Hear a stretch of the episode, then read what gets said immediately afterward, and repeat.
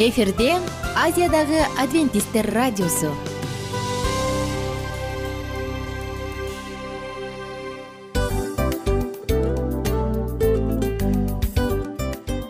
Достор салют.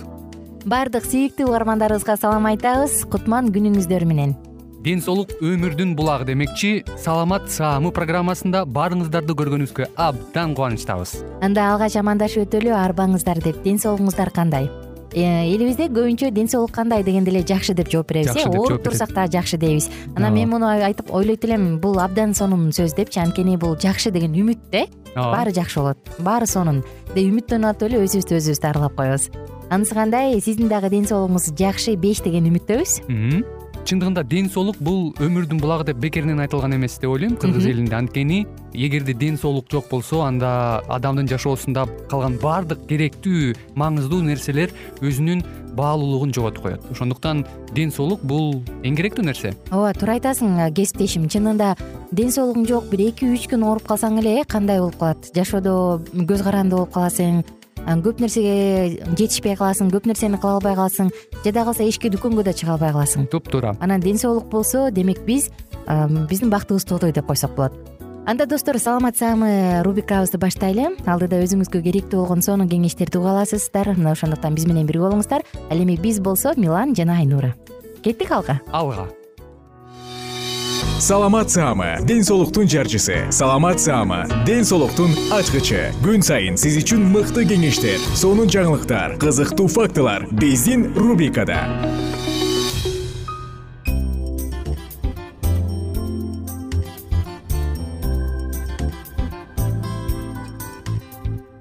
Салют достор кандайсыздар? Жалпыңыздар менен амандашып саламатсаамы рубрикасын баштадык. Жана бүгүнкү темабыз мурункуда убада кылгандай эле артрозду алдын алуу деп аталат.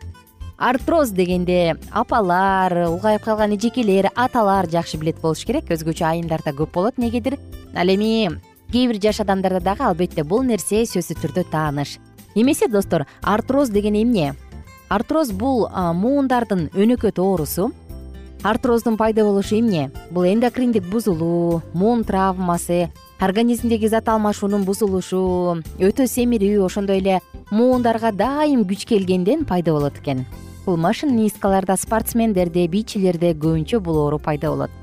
Анан тар бут кийим дагы артроздун себебинен болушу мүмкүн. Артроз ири жана майда муундарды анын ичинде омурткаларды жабыркатат. Тизе жамбаш чыканак кызыл ашык ооруйт ошондой эле спандилоартроз деп коет э мына бул дагы артроздун бирден бир белгиси артроз муунга бириккен сөөктөрдүн учундагы кемирчек бузулуп жукара баштайт. Ошондой эле сөөк тканы жана муун баштыкчасынын ички бети бузулуп кээде сөөк дагы өсүп кетет. Артроздун белгилери кандай болот? Мезгили менен муундар ооруйт. Айрыкча өтө күч келгенде же узакка кыймылсыз абалда болгондон кийин оору күчөйт. Муундун кылым кыймылы азаят муундар шишимик тартып ага тийгенде ооруйт. Бүккөндө сунганда кырсылдайт муундун формасы өзгөрүп ири муунда суюктук жыйылышы мүмкүн. Анан дарылоо болсо кайсы муундун жабыркаганына жана оорунун абалына жараша жүргүзүлөт организмдеги зат алмашуу процессин калыбына келтирүү жана жабыркаган муунга күч келтирбөө керек. Кээде тилекке каршы эң эле такыр эле айла жок болуп калса анда хирургиялык операция дагы талап кылынат. Артроз көбүнчө адам улгайып калганда муундардын эскирип баратканынан улам дагы пайда болот. Бирок ошентсе дагы ошентсе дагы биз айта турган кеңештердин баардыгын эске алсаңыз анда муундарыңыз оорубай эле жакшынакай жүрүүгө мүмкүн. Эң эле биринчиси биз айта турганыбыз бул муундарга жүк келтирбеңиз нагрузка келтирбеңиз же нагрузканы азайтыңыз. Мисалы тепкичтен ылдый түшкөндө же болбосо оор нерсени көтөргөндө басканда же болбосо асфальт бетон сыяктуу катуу нерсенин үстүнөн чуркаганда басканда чуркаганда өзгөчө. Булардын баардыгы муундун оорушун күчөтөт ошондуктан мындай нагрузканы төмөндөтүңүз. Жана тескерисинче сан жана тизе тарапка көбүрөөк нагрузка келтириңиз. Мында сиз сууга сүзсөңүз болот. Велосипед тебиңиз велосипед деп коебуз э велосипед тебиңиз же велотренажер менен алектениңиз. Ошондой эле чуркаган дорожканын үстүндө дагы чуркасаңыз болот. Бул беговая дорожка деп коет эмеспизби? Мына дал ушул беговая дорожкада чуркасаңыз болот. Кийинки айта турган кеңешибиз сөзсүз түрдө салмакты азайтыңыз. Анткени бул сан жактагы муундардын баардыгы тең. Биз басып жүргөндө аябай чоң күч келет эмеспи э ошондуктан тизелерибиз ооруйт сан жактагы бул жамбаш жактагы муундарыбыз ооруйт. Мына ошондуктан колдон келишинче салмакты азайтыңыз. Анан албетте баягы кемирчектердин баардыгы азайып кетпеш үчүн адам өз алдынча салмакты болушунча азайтып арык жүргөнү жакшы. Кийинки биз айта турган кеңешибиз бул тамактануу. Артроздо эң эле жакшы диета бул туура тамактануу болуп саналат.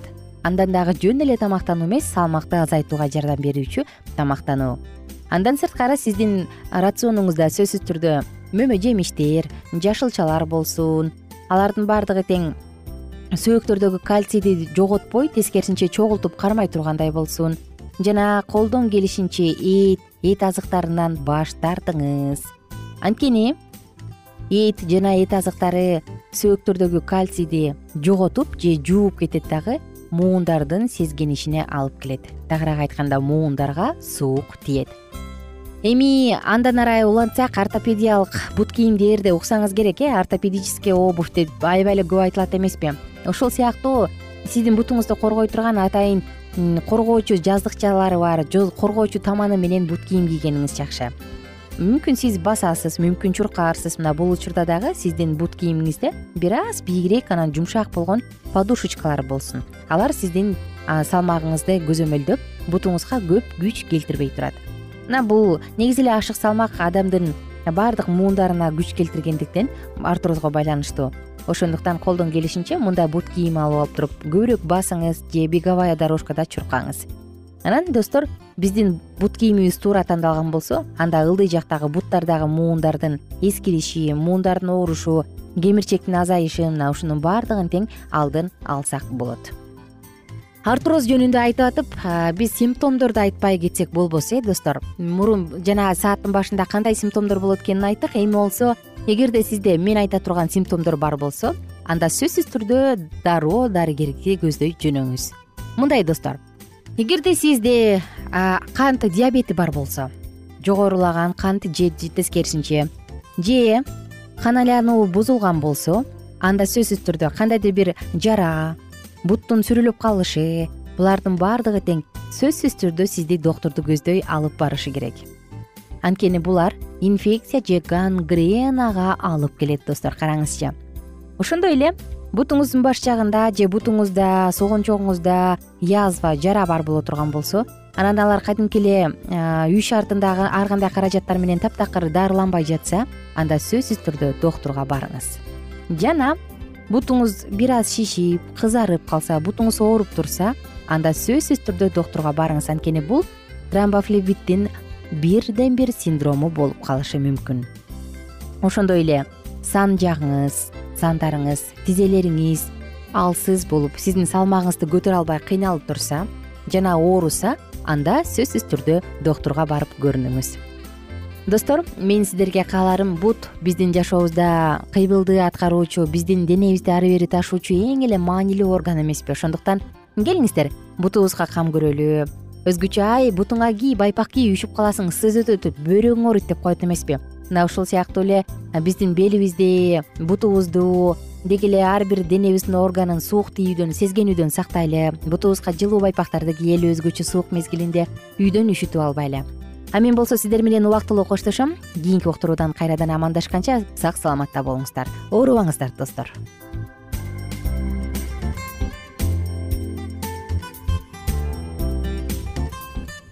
Кененирээк маалыматтар үчүн үч w чекит саламат чекит клуб сайтына келип таанышыңыздар. Жана андан тышкары социалдык тармактарда youtube facebook жана instagram баракчаларына катталыңыз саламат саама ден соолуктун жарчысы. Саламат саама ден соолуктун ачкычы. Күн сайын сиз үчүн мыкты кеңештер сонун жаңылыктар кызыктуу фактылар биздин рубрикада.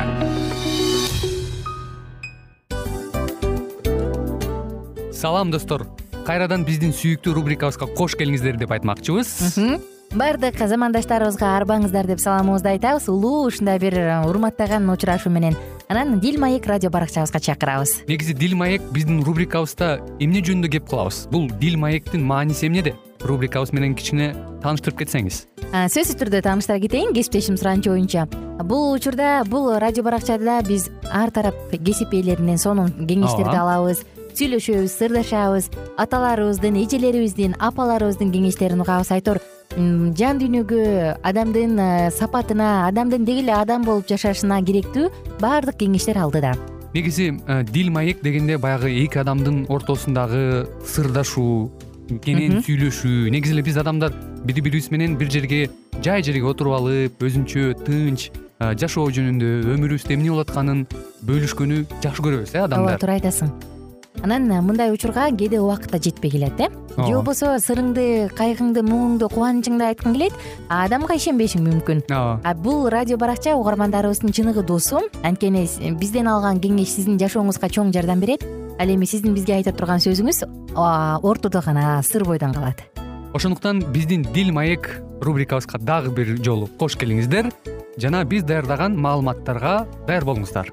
Айнура жана милан сиздер менен бирге алдыга кеттик ар түрдүү ардактуу кесип ээлеринен. Алтын сөздөр жүрөк ачышкан сыр чачышкан сонун маек. Дил маек рубрикасында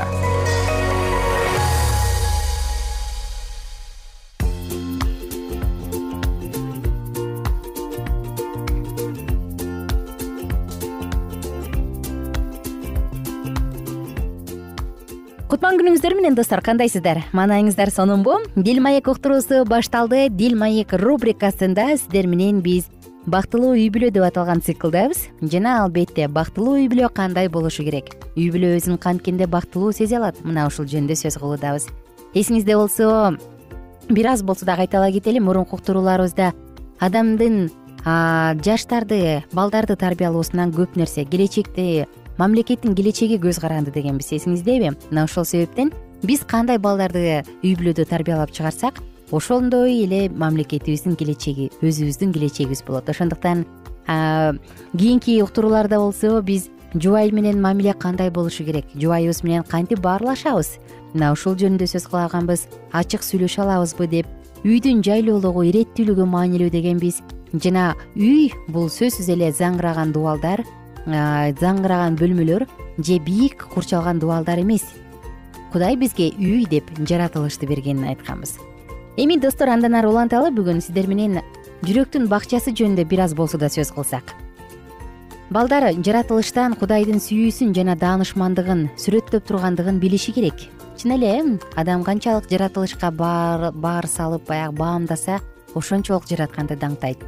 Алардын кудай тууралуу ой жүгүртүүлөрү канаттуулар менен байланышта болсун. Гүлдөр жана бак дарактар менен баардык көрүнгөн нерселер көрүнбөгөн нерселерге умтулууну жана баардык өмүрүбүздөгү көрүнүштөр кудайдын чындыгын окуп үйрөнүүнүн даабасы болууга тийиш. Ар кандай процесстеги көп сандаган сан жеткис сабактардын ичинде куткаруучунун өсө турган дан тууралуу үлгүлүү аңгемеси бир нече өтө баалуу нерселерди камтыйт. Дандын өнө башташы руханий өмүрдүн башталышын сүрөттөйт ал эми өсүмдүктүн жогорулоосу мүнөзүбүздүн жогорулашын билдирет ата энелер жана мугалимдер бул сабактардан бир нерсе үйрөнүүгө аракеттенип аны өз жашоосунда колдонуусу зарыл балдар жерди өздөрү даярдап үрөндү өздөрү себишсин. Жумуш учурунда ата энелер же мугалимдер мындай деп түшүндүрсө болот. Жүрөк бул бакча. Жакшы же жаман себилген дан бакчага жаратылыштык үрөөндөрдү себүүгө даярдалган сыяктуу эле жүрөк дагы чындыктын үрөөнүн себүүгө даяр болушу керек. Эч ким иштетилбеген жерге өз учурунда жакшы түшүм алам деген үмүт менен сеппейт. Үрөөндү сээп жакшы түшүм алыш үчүн таалыкпаган көшөргөн эмгек талап кылынат.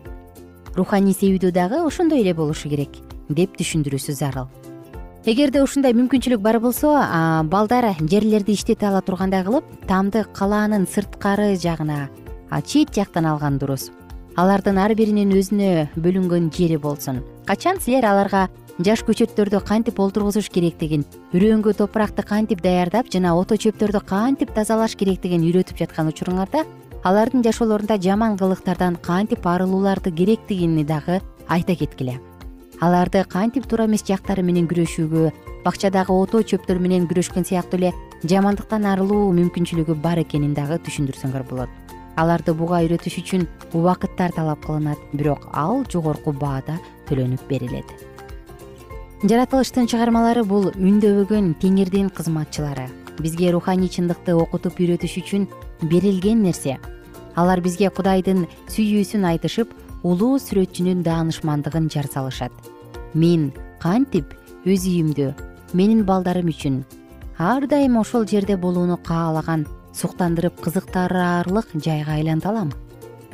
Келиңиздер достор. Мына ушул жөнүндө ойлонолу чындыгында биз көбүнчө биз умтулган нерсе эмне? Тилекке каршы көпчүлүгүбүз биз үй алыш керек унаа алыш керек балдарымды бутунан тургузушубуз керек.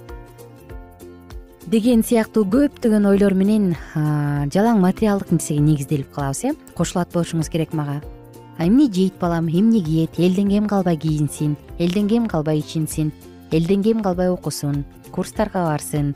Деп атып эле биз башка маанилүү нерселерди кое берип коебуз. Анын ордуна жогоруда айтылгандай эгерде бизде чын эле ушул жок балам жаман адаттарынан айрылгандай болсун жаман адаттарынан кутулгандай болсун балам чыныгы жашоонун маңызын түшүнө алсын деп туруп анан эмгек жумшасакчы ой анда мен ойлойм анда дүйнө толугу менен өзгөрөт деп.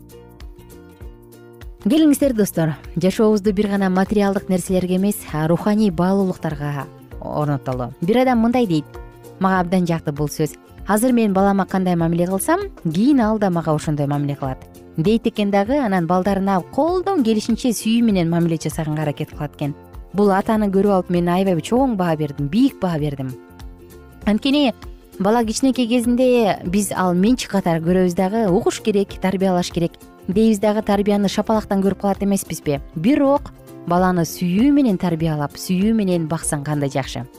Бала сенин менчигиң эмес дейт бир адам. Тагыраак айтканда бала бизге убактылуу берилет.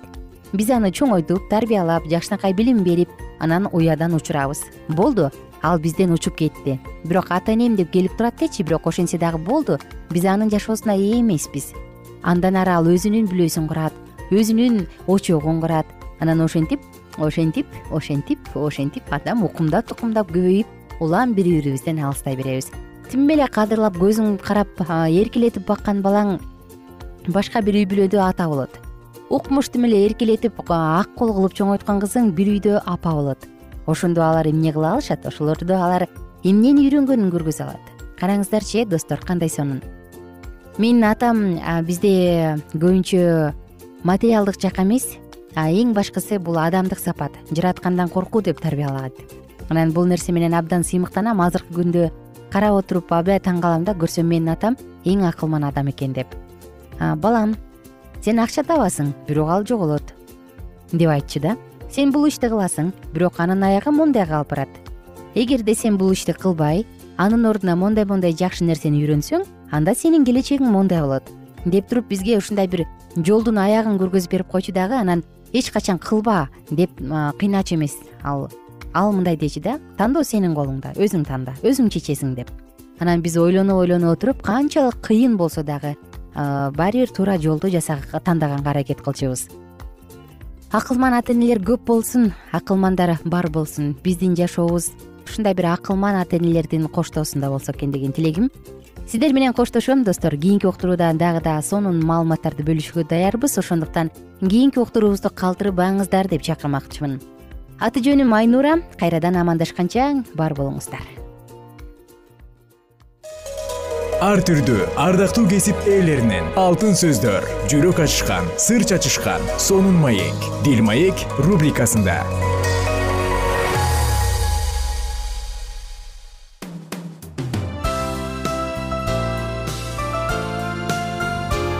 эфирде азиядагы адвентисттер радиосу.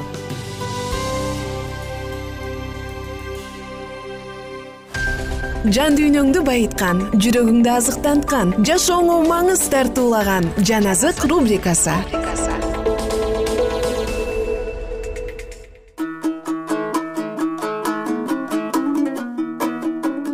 кутмандуу күнүңүздөр менен кандайсыздар? Биздин радио угармандар жалпыңыздар менен кайрадан жан азык уктуруусунан үн алышканыбызга абдан кубанычтабыз. Бүгүн сиздер менен лука жазган жакшы кабар китебин окуп баштайбыз. Бул жакшы кабар жаңы осуят китебинен орун алган китептердин бири. Анда эмесе жөнөдүк. Лука жазган жакшы кабар биринчи бөлүм. Урматтуу тиапил биздин арабызда кеңири белгилүү болгон окуялар жөнүндө көптөгөн адамдар баяндап жаза башташты. Бизге ал окуяларды башынан бери өз көзү менен көргөндөр жана кудайдын сөзүн таратуучулар айтышкан эле. Ошондуктан бардыгын башынан баштап кылдаттык менен изилдеп чыкканымдан кийин мен да сага ирети менен баяндап жазып жиберүүнү туура таптым. Бул аркылуу сен өзүң уккан сөздөрдүн чындык экендигин билип каласың. Жүйүт падышасы ироддун убагында абия тобунда захария аттуу ыйык кызмат кылуучу болгон. Анын арун уруусунан чыккан элизабет деген аялы бар эле экөө тең теңирдин осуяттары менен көрсөтмөлөрүн так аткарып кудай алдында адил жашашчу. Элизабет төрөбөс болгондуктан алардын балдары жок болчу. Экөө тең карып калышкан эле. Бир күнү захария өз кезеги боюнча кудай алдында кызмат кылып жатканда ыйык кызмат кылуучулардын салты боюнча өкчөмө таш ыргытылып ага теңирдин ибадатканасына кирип жыпар жыттуу зат түтөтүү кызматы тийди. Жыпар жыттуу зат түтөтүлүп жаткан учурда көп эл сыртта сыйынып турду. Ошондо ага теңирдин периштеси көрүндү. Периште жыпар жыттуу зат түтөтүлүүчү жайдын оң жагында турду. Захария аны көргөндө селт эте түштү аны коркунуч басты. Периште болсо ага мындай деди. Коркпо захария. Анткени сенин сыйынууң угулду. Аялың элизабет сага уул төрөп берет. Анын ысмын жакан коесуң. Сен кубанычка шаттыкка бөлөнөсүң анын төрөлгөнүнө көптөр сүйүнүшөт. Анткени ал теңирдин алдында улуу адам болот. Шарап да күчтүү ичкилик да ичпейт. Энесинин ичинде жатканда эле ыйык рухка толот. Ысрайыл уулдарынын көпчүлүгүн өздөрүнүн кудай теңирине бурат. Аталарынын жүрөгүн балдарына. Баш ийбегендерди адил адамдардын ойлонуу жолуна буруп даярдалган элди теңирге алып келиш үчүн ал ильяс пайгамбардын руху жана күчү менен анын алдында келет. Ошондо захария периштеге мен муну эмнеден улам билем? Анткени мен карып калдым. Аялым да карыды деди. Периште ага мындай деп жооп берди. Мен кудай алдында туруучу жебирейилмин сени менен сүйлөшүү үчүн сага ушул жакшы кабарды билдирүү үчүн жиберилгем. Сен менин өз убагы келгенде орундала турган сөздөрүмө ишенбегендигиң үчүн тилден калып бул ишке ашкан күнгө чейин сүйлөбөйсүң. Ошол учурда захарияны күтүп турган эл анын ибадатканада кармалып жатканына таң калды. Ал сыртка чыкканда элге сүйлөй албай койду. Ошондо алар анын ибадатканада көрүнүш көргөнүн түшүнүштү. Захария аларга жаңсап түшүндүрдү анткени ал дудук болуп сүйлөй албай калган эле. Кызмат кыла турган күндөрдү бүткөндөн кийин үйүнө кайтты. Ошол күндөрдөн кийин анын аялы элизабеттин боюна бүтүп беш ай бою жашырынып жүрдү. Мени элдин шылдыңынан куткарыш үчүн теңир ушул күндөрдө мага назарын салып ушундай кылды деди ал. Алтынчы айда кудай галилеянын назарет деген шаарына дөөт тукумунан чыккан жусуп деген адам менен убадалашып койгон кызга жебирейил периштени жиберди. Кыздын ысымы марьям эле. Периште ага келип салам кудайдан ырайым тапкан кыз. Теңир сени менен. Аялдардын ичинен сен баталуусуң деди. Периштенин сөзүнө апкаарый түшкөн марьям бул саламдашуу эмнени билдирет? деп ойлонуп калды ошондо периште ага мындай деди. Коркпо марьям анткени сен кудайдан ырайым таптың. Боюңа бүтүп уул төрөйсүң анын ысымын ыйса коесуң ал улуу болот жана бардыгынан жогору тургандын уулу деп аталат. Кудай теңир ага атасы дөөттүн тагын берет.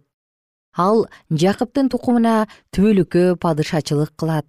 Анын падышачылыгынын чеги болбойт мариям периштеден эркек көрбөсөм бул кандайча болот? деп сурады. Периште ага мындай деп жооп берди.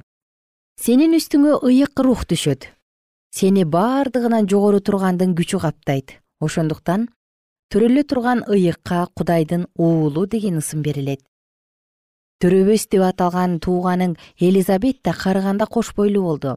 Ал уул төрөйт анын боюна бүткөнүнө алты ай болду анткени кудайдын бир да сөзү күчүн жоготпойт. Ошондо мариям мен мына мен теңирдин кулумун мага сен айткандай болсун деди. Ошондон кийин периште анын жанынан кетти. Ошол күндөрдүн биринде мариям тоолуу жүйүт өлкөсүнүн бир шаарына шашылыш түрдө жөнөдү. Ал захариянын үйүнө кирип элизабет менен саламдашты. Мариямдын саламын укканда элизабеттин ичиндеги баласы туйлап жиберди. Ошондо элизабет ыйык рухка толуп үнүн бийик чыгарып мындай деди. Аялдардын ичинен сен баталуусуң ичиңдеги бала да баталуу. Теңиримдин энеси мага келгидей мен киммин? Анткени сенин саламыңды укканымда ичимдеги бала кубанычтан туйлап жиберди. Ишенгениң үчүн бактылуусуң анткени теңирдин сага айткан сөзү аткарылат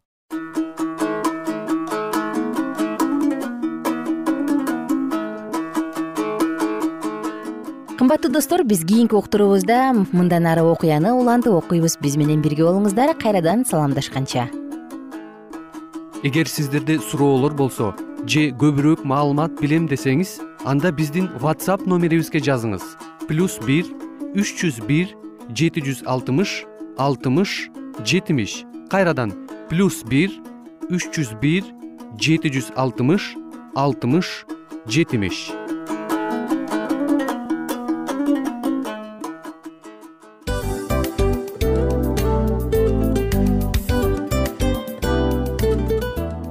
ушул менен достор программабыздын уктуруубуздун эң кайгылуу мөөнөтүнө келип жеттик.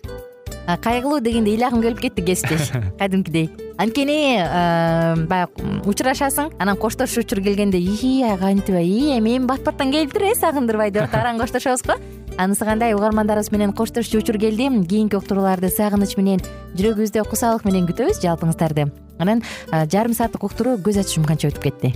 Сөзсүз бирок бизде жакшы кабар бар. Кийинки уктурууларыбызда сөзсүз дагы кезигишебиз. Анткени биз көптөгөн сюрприздерди кызыктуу маалыматтарды жана керектүү керектүү нерселердин көпүнчөсүн даярдадык.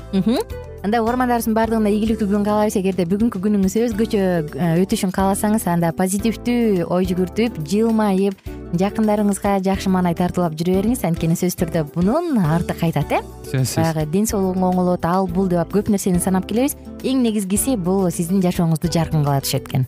Жараткан кудай ар бирөөңүздөргө батасын берсин жашооңуз ийгиликтүү болсун сак саламатта калыңыздар деп мен милан жана кесиптешим айнура.